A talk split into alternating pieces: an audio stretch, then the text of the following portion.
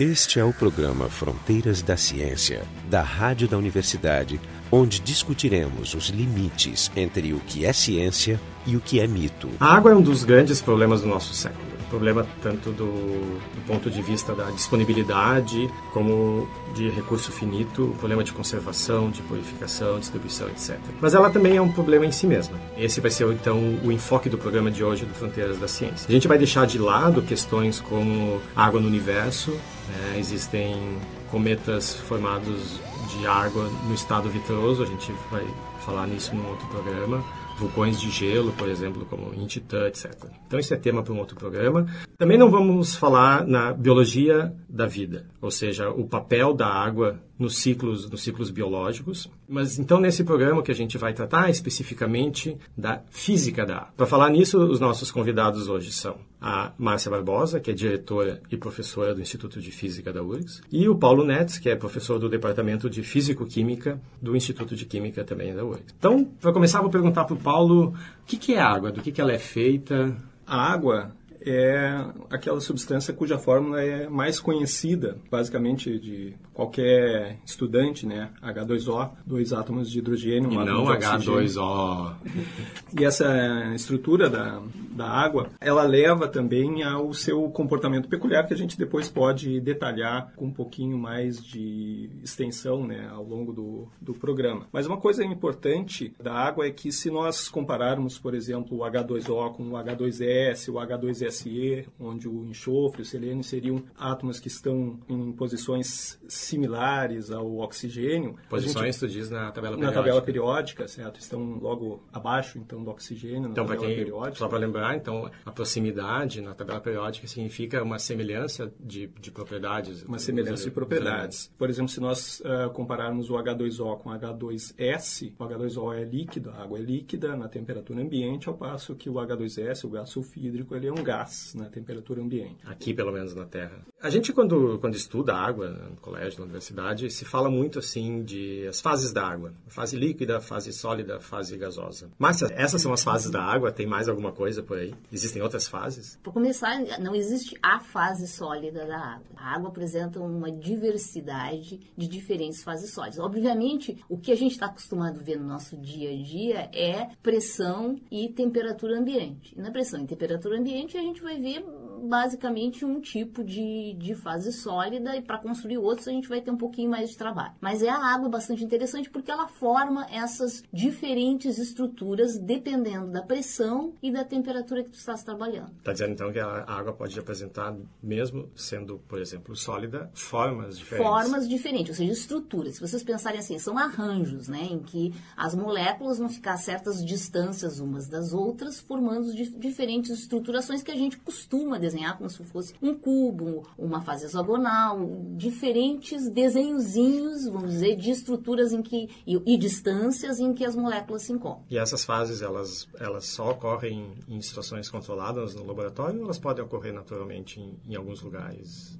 Não, obviamente ela pode acontecer, quer dizer, dependendo da temperatura e da pressão, porque a pressão é a coisa que a gente vai, vamos dizer, pode trabalhar de diferentes maneiras. Ela pode acontecer de ter diferentes formas uh, de gelo. E igualmente, se esfriar muito rápido a água, ela pode formar fases que a gente chama de amorfas. Ou seja, que não tem essas estruturas. Quando a gente fala em estrutura cristalina, é um arranjo periódico. Se eu fizer muito rápido o resfriamento, ela continua como um sólido, uma coisa que não, vamos dizer assim, não difunde, fica paradinho, se a gente põe no escorre, mas não tem essa mesma estruturação. E mesmo essa estruturação amorfa tem diferentes tipos de amorfa. Essa estrutura que a Márcia está comentando é, seria o estado vitroso da água. Né? A gente tem um programa específico sobre isso. E é talvez a forma mais comum de encontrar água no universo, porque essa é a forma que ela se encontra nos cometas, que são um depósito enorme de água. Então, se existem, quantas fases dessas existem? São, já são mapeadas?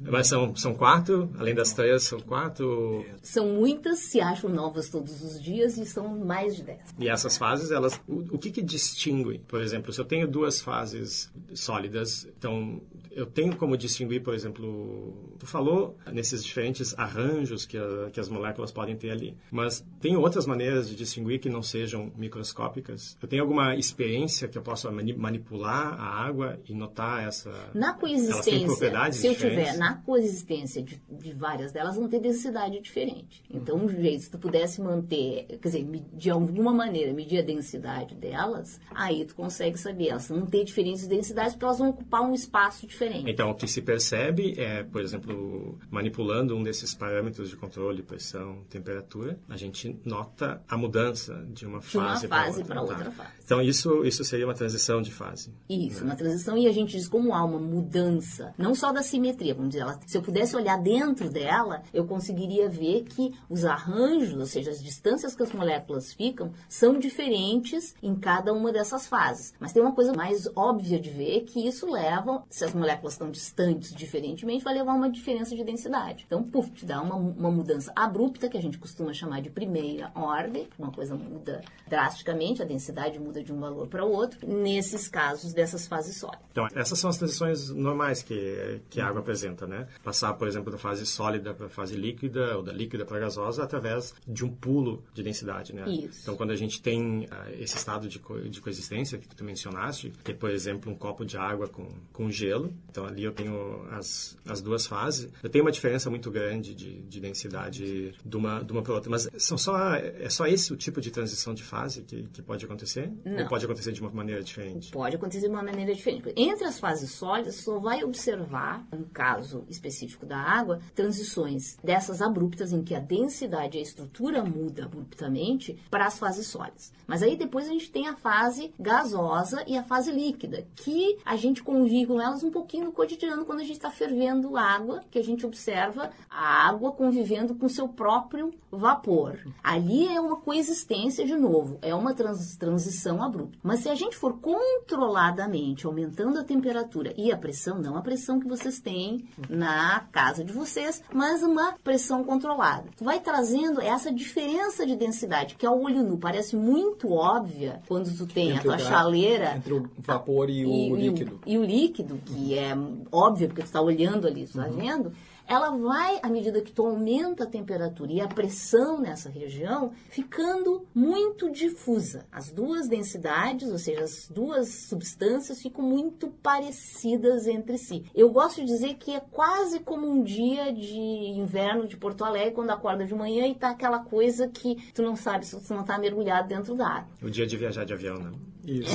É o dia de viajar de avião. E aí tu chega num certo pontinho, que é um pontinho, uma temperatura e pressão específica, a partir da qual, se subir mais a temperatura, tu já vai ter uma única fase. Então vocês podem imaginar que eu posso fazer brincadeiras. Eu começo numa fase em que eu tenho uma pressão alta e tenho uma certa temperatura eu estou na fase líquida. Aí eu vou aumentando a temperatura, chego nessa fase onde tudo é uma fase só, baixo a minha pressão e baixo a temperatura. Eu consigo virar gás sem precisar passar por essa transição abrupta, continuamente. Esse pontinho do diagrama de fase que eu mencionei, em que as duas coisas ficam iguais, esse pontinho é um pontinho muito especial. Apesar de ser um ponto, uma pressão só e uma temperatura só, ele requer um monte de estudos, porque uma série de quantidades uh, que a gente mede, que estão envolvidas com variações de calor, com temperatura, elas ficam enormes nesse ponto. A gente fica muito, muito, muito grandes, a gente costuma dizer que diverge. E esse é o ponto crítico. É um outro tipo de transição no qual a densidade, lembra que eu disse que elas ficavam iguais, a densidade não tem pulo nenhum, mas outras propriedades ficam muito grandes. E por ficarem muito grandes, esse ponto recebeu esse nome específico, que é ponto crítico. Isso é uma transição de segunda ordem. Lembra? Aquela que dava o pulo de primeira ordem, essa é uma transição de segunda ordem. Então, deixa eu só retomar, porque acho que algumas pessoas já ficaram pelo, ficaram pelo caminho. Então, o que Márcia está dizendo é o seguinte: eu posso passar da água no estado líquido para o estado gasoso, né, fazendo uma modificação na temperatura ou, ou na pressão. E ao fazer isso, dependendo desses parâmetros, eu vou notar aquele salto abrupto na, na, na, densidade. Então, essa é a transição de primeira ordem. Se eu começo agora a brincar com esses parâmetros, pressão e temperatura, eu posso continuar tendo esse salto, mas o salto cada vez cada Fica vez menor. menor, né? A transição cada vez menos abrupta. Até que o salto desaparece. Até que o salto desaparece. Se eu continuar na brincadeira, eu vou agora passar da fase líquida para a fase gasosa sem notar diferença nenhuma. Nesse sentido, até fica a pergunta, mas então como é que a gente pode chamar de líquido nesse caso? A questão é que a gente não chama de fato de líquido, apesar de ser condensado, de ter uma densidade equivalente ao líquido, a gente chama de fluido supercrítico. Então a gente diz que a água nesse, nesse estado, acima desse ponto crítico, ela exibe então uma propriedade que a gente chama ela de fluido supercrítico. Falando de super, então, só para a gente voltar um pouquinho, quando eu tenho essa transição abrupta, o, o sistema às vezes ele não se dá conta que ele devia ter mudado de fase. Então, por exemplo, se eu faço um resfriamento, como a Márcia tinha citado antes, rápido, eu vou esfriando a minha água, eu chego na temperatura, por exemplo, zero graus ali, a pressão ambiente, onde ela deveria virar sólida, mas uh, se eu esquecer de combinar isso com ela, ela pode continuar esfriando e não mudar, não virar sólida. Né? Fica líquida abaixo da sua temperatura de congelamento, como a cerveja. Isso. Então, é uma fase que se chama, um estado que se chama super resfriado. Mas é uma fase como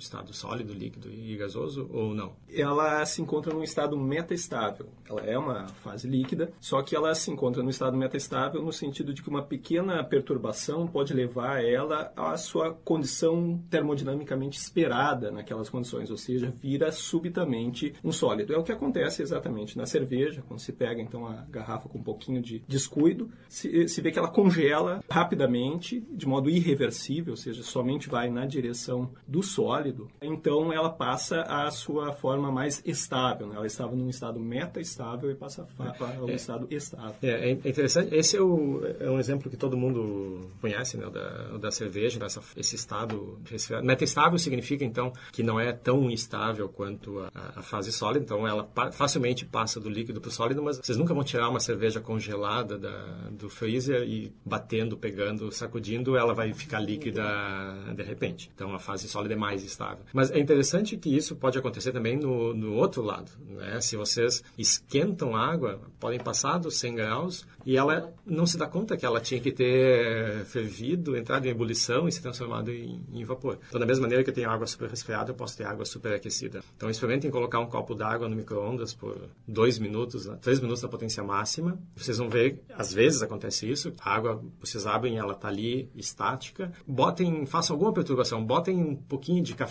em pó, por exemplo. Aí vocês vão ver que ela vai e vai entrar uhum. em efervescência. Então, tudo isso são estados metastáveis. Esse é então Fronteiras da Ciência. Hoje a gente está falando sobre um lado da água, ou seja, sobre os aspectos físicos da água. Eu não falo físico-químicos, porque um dos nossos convidados é químico, então eu quero só provocar um, um pouco.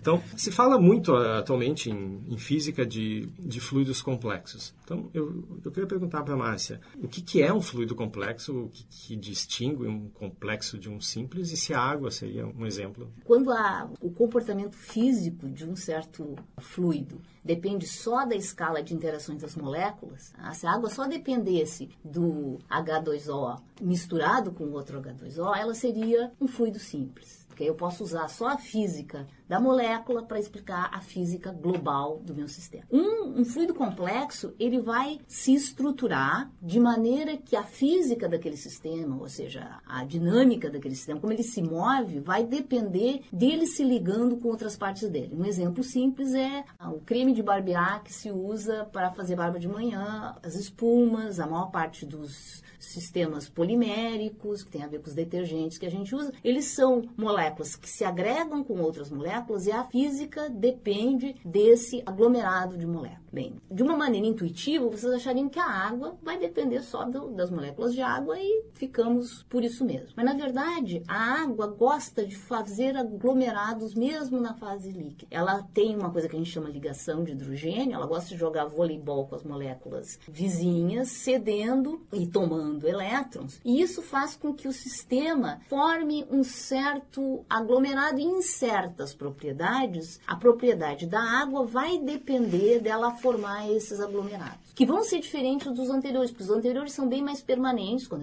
eu estava mencionando espumas e, e a formação das, das, detergentes, eles, são, eles dominam os géis, eles dominam toda a física desse sistema. Na água vão ser certas propriedades que vão depender desse efeito de todo mundo trabalhando junto. Eu gosto de pensar que no caso dos géis, os géis são que nem aqueles esportes olímpicos de equipe, tipo ginástica artística, que com bola e fita, etc., que todo mundo tem que trabalhar trabalhar junto o tempo todo. Inclusive, esses processos, eles são chamados de processos cooperativos, exatamente. Por, por, isso. por isso. E eu acho que a água é mais que nem futebol. Ele depende do grupo, mas de vez em quando não depende do grupo, dependendo se tiver um jogador Quer excepcional. Dizer, não são só os homens que estudam. Então, por exemplo, essas inomogeneidades que, que a água apresenta, então, em diversas escalas, isso tem alguma relação com as famosas anomalias? Na verdade, tem bastante relação com, a, com as anomalias. Primeiro, talvez explica o que são as anomalias. Exato. É. Talvez o melhor seja explicar o que são as anomalias, porque afinal de contas a água é o líquido mais comum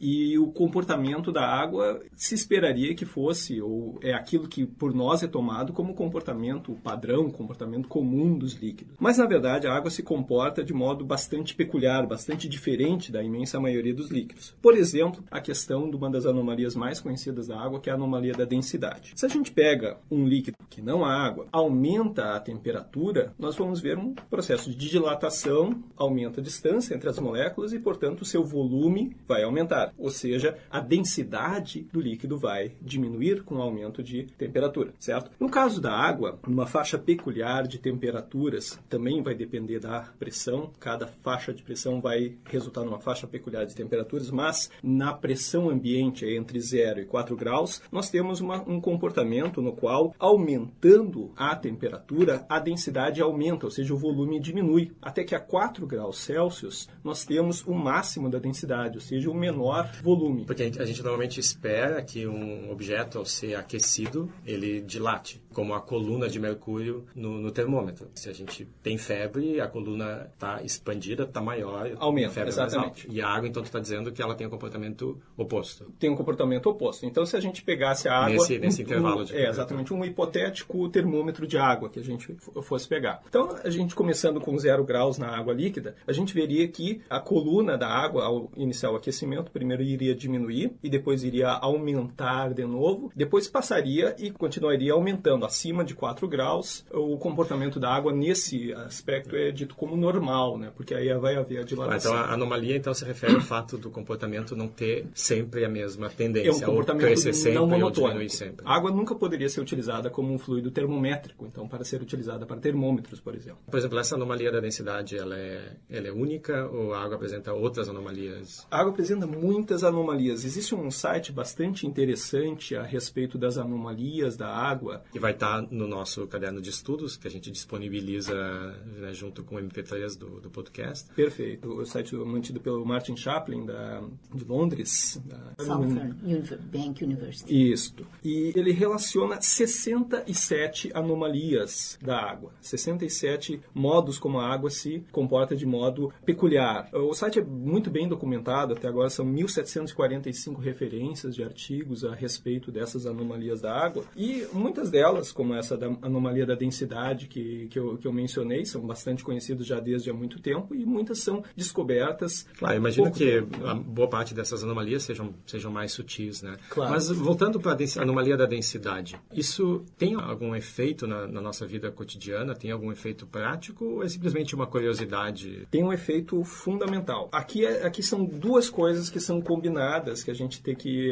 levar em conta, que é a anomalia da densidade, o fato de que a 4 graus nós temos o máximo da densidade e também o fato de que o gelo, ou seja, a água sólida, tem uma densidade inferior à da água líquida. Isso faz com que os lagos, por exemplo, em regiões de clima extremamente frio, não congelem integralmente e sim congelem apenas na sua superfície, ou seja, na superfície do lago, ao estar exposto a uma temperatura abaixo de zero graus, nós temos a formação de uma camada de gelo, só que essa camada de gelo ela não preenche integralmente todo o lago. Por quê? Porque o gelo é mais leve leve e também porque a água a 4 graus, que é mais densa, também vai para o fundo. Além disso, nós temos que o gelo ele é um isolante térmico. A condutividade do gelo é bastante baixa, de modo que o frio não, por assim dizer, não há uma perda de calor da água para o restante. Então, por exemplo, se botar um copo de água no freezer, os primeiros cristais de gelo que foram criados, como eles vão ser menos densos, eles vão subir, vão se concentrar da mesma maneira que um cubo de gelo fica na parte de cima do copo. Então, você se começa congelando gelo, se cria primeiro aquela casquinha de gelo, e à medida que, que o copo permanece ali, essa casquinha vai, vai aumentando. Depende também da velocidade do resfriamento, porque às vezes colocando o, o copo de, de água no congelador, ele pode, começar, pode já resfriar quase que integralmente desde as beiradas, desde as das paredes. Claro, o, copo, copo né? é claro, o copo é um pouquinho mais complicado porque ele perde calor pelos lados, o que no isso. lago não, não acontece. Mas as forminhas, tá? por exemplo, isso acontece isso, nas forminhas mais, com certeza. Porque ela é mais achatadinha, então ela pode observar que se colocar a forminha quiser usar um, logo depois, a camada superior, às vezes um pouco camada lateral também vão estar, mas a parte central e para baixo vai estar líquida. Tem alguma consequência mais profunda o fato dos lagos começarem a congelar pela parte de cima? Se eles congelassem integralmente, né, seria um pouco difícil para a manutenção da própria da própria vida no lago. Algumas espécies ainda poderiam sobreviver, mas muitas espécies de peixes, por exemplo, certamente seriam eliminadas. Não, a resposta está né? errada. A resposta é a gente só pode fazer o Fronteiras da Ciência porque a água começa a congelar da parte de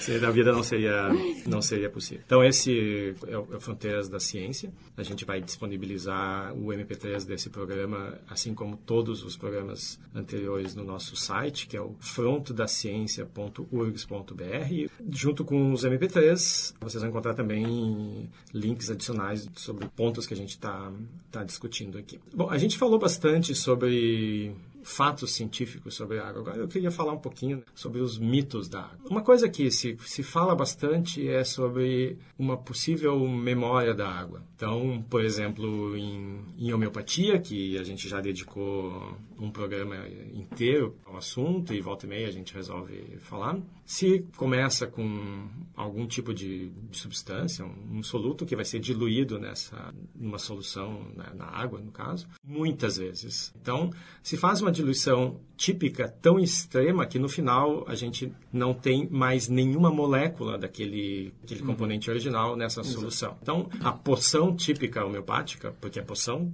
né, não é remédio, Exato. ela não contém nenhuma molécula. E, obviamente, os homeopatas sabem disso. Então, a, a, explicação é de que, durante o processo de diluição, a água foi energizada, foi sacudida para cima, para frente e, e para os lados, né, um certo número de vezes. E isso imprimiu na água uma memória daqueles, daqueles componentes, tá? Quanto mais diluições, mais vezes esse processo vai ser repetido, mais forte vai ser essa memória impressa, mais forte é o, uhum. é o remédio. Que do ponto de vista de tudo que a gente sabe sobre, sobre física e química, não faz absolutamente nenhum sentido. Então, eu queria perguntar se existe alguma memória na água. Eu, sinceramente, espero que não exista. Uhum. Porque se a água, acho que a gente já falou nisso no outro programa, se a água guardasse memória de tudo que se sacudiu dentro dela, né, eu já fui adolescente, então eu sinceramente espero eu, que ela eu estaria esperando os carregamentos de água de Marte para poder voltar é, a tomar é, água. Que ela tem uma Bom, memória que eu não sei curta. o que, que faziam os marcianos também. Né? Ela, ela tem memória, mas ela tem um Alzheimer. É, tem, a, a, memória da, ela tem uma memória muito curta. Claro que a água tem a memória, mas ela tem uma memória muito curta vamos dizer assim, alguns... Dá para quantificar isso? Sim, dá para quantificar. Digamos assim, processos típicos que ocorrem, hidratação de solutos, movimentos de partes de moléculas, mesmo em moléculas uh, biológicas, proteínas, DNA, se refletem também na dinâmica da água, só que o tempo característico em que isso ocorre é na escala do nanosegundo ou do pico-segundo. Né? O mais típico do pico-segundo, que é 10 a menos 12 segundos, ou do nanosegundo, que é 10 a menos 9, ou seja, um bilionésimo de segundo. Ou seja, passados alguns uh, milissegundos, segundos então nem se fala, já se esqueceu completamente, a água já se esqueceu Ou seja, se a, a pessoa que está preparando a, a, diluição homeopática, se ela preparou e piscou, já foi. Já, já foi. Não, e tem outras coisas que entram aí, por exemplo, essas porções homeopáticas, elas em geral são feitas em vidro. E sempre que a gente vai analisar água em sílica, que é o caso do, do, vidro, a sílica pode ter cristais, vamos dizer, se alguma coisa fosse observada, teria muito mais a ver com os pequenos cristais de sílica, que é outro assunto parecido com a água, porque também forma estruturas bem anômalas, tá? dentro da água que poderia estar tá dando algum sinal. Ou mesmo quando eles colocam álcool, porque às vezes eles, eles misturam água, água com outros, que uhum. também é outra história, que é a diluição da água em outros líquidos, que também não é trivial assim. Tem que lembrar que aquelas redinhas que eu estava falando antes, que é esse jogar vôlei com, com elétrons que a água vai fazendo, forma estruturas dentro, mas são estruturas que vão ter vida um pouquinho mais longa que essas da ligação de hidrogênio que o Paulo estava mencionando, mas que, de novo, vão dar or, ordem de microsegundos. Ou seja, mesmo se eu colocando o soludo ele gerasse formar um cluster dentro da água, esse cluster se dissolvia rapidamente. Ela é uma molécula que vai se trocando, é muito, eu gosto de dizer que a água é muito promíscua. Ela vai, as moléculas vão se juntando em aglomerados e vão se dissolvendo, por isso que ela é chamada de um gel transiente, que fica assim só um pouquinho ligada com as outras e ela já se solta. Eu acho que não existe nenhum mecanismo conhecido que faça com que nem a água, nem qualquer outra substância na fase líquida mantenha memória por muito tempo. Ou seja, a memória pode existir em outras situações, mas eu preciso estar numa fase, numa fase vitrosa, uhum. numa fase Polímeros, sólida, por exemplo. onde a, a, forma, a estrutura local se preserve numa escala de tempo considerável. Na fase uhum. líquida, as moléculas estão tão soltas que elas, nessa milésima de um bilionésimo de, de segundo, ela já mudou a configuração configuração local e, e, não tem como. Então, não basta alegar que exista, exista memória, mas a gente tem que pensar em que mecanismo eu poderia guardar essa, essa informação. E também não basta propor um mecanismo, a gente tem que testar se, se esse mecanismo faz, faz sentido. Então, eu imagino que vocês que, que trabalham com, com água, né, vocês, fazem, vocês fazem modelos para água. Existem várias maneiras de acumular informação sobre esses sistemas. Então, uma é ir no laboratório, montar um experimento e, e, realmente fazer fazer medidas. Outra é fazer modelos e os bons modelos vão ser vão ser vão ser consistentes. Então, várias das coisas que a gente mencionou aqui no, no programa, não é que vocês acordaram e disseram: "A minha água vai ser assim", que eu acho bacana, né? Vocês fizeram uma proposta e vocês têm todo um esforço para convencer os colegas de vocês que estão atrás dos seus louros também, de que as ideias de vocês são válidas e Exato. são boas e, e, e, que vale a pena outras pessoas investir. Né? Então, esse processo de convencimento é o que faz a ciência o que ela é, porque as pessoas vão duvidar de vocês, não porque existe uma conspiração universal pra, sobre a água, mas é porque simplesmente esse é o mecanismo. E faz parte do jogo e é isso que garante que as informações que a gente tem, elas são confiáveis, porque elas foram reproduzidas, porque elas convenceram as, as pessoas de que, de que isso é assim. Então, a memória da água não é o, o único dos, dos mitos. Eu só quero tocar rapidamente num, num segundo mito mais recente que, que apareceu, que também já foi mencionado nos episódios antigos, que é a capacidade, ou a suposta capacidade, que a água tem de ser poliglota. Se vocês viram o pseudo-documentário, o Quem Somos Nós, então ali eles descrevem supostos experimentos científicos feitos no laboratório japonês pelo, pelo Emoto, onde ele fazia o seguinte, ele, ao congelar água, ele antes ele colava etiquetas no frasco, não importava muito em que língua essas etiquetas estavam escritas, porque de qualquer maneira a água, sendo poliglota, ela, ela, ela entenderia. Então eu sempre digo, podia escrever em Klingon, né, que a, a água entenderia. E o que que acontece? Ao congelar, vão se formar cristais. E se esses cristais são simétricos, regulares e bonitinhos, é porque a, a palavra ou a frase que foi colocada é uma frase positiva. Se há uma palavra, uma frase negativa, os cristais vão ser, vão ser feios, irregulares, né, chatos. E... Eu queria perguntar, tem algum fundamento científico nesse tipo de, de alegação? Bom, obviamente não tem fundamento nenhum. Isso aí é uma, é uma falácia estatística, né? é uma, uma falácia de amostragem. A gente pode, por exemplo... Chamada coletando as cerejas. Isso. Pode, por exemplo, utilizar essa metodologia para provar que os cariocas são alegres e os paulistas são tristes. É só escolher algumas famílias do Rio de Janeiro e algumas famílias de São Paulo e mostrar claramente que eles são... Não, não precisa nem mentir, não precisa nem mentir, é só documentar... Família XYZ de São mas, Paulo. E os outros... Mas aí não é reprodutível. Não, é reprodutível a não ser que se use esse, esse, digamos, o protocolo é um protocolo especializado em coletar, digamos assim, do universo apenas aqueles elementos que corroboram a ideia. E não um duplo cego, que é o que se esperaria Exatamente. Ou seja, o, o Emoto não precisa nem mentir, ele pode de fato tirar fotos daqueles frascos onde estava de fato não, escrito. Eu estou convencido de que provavelmente ele é, ele é sincero nessas... Sim né? Ele tem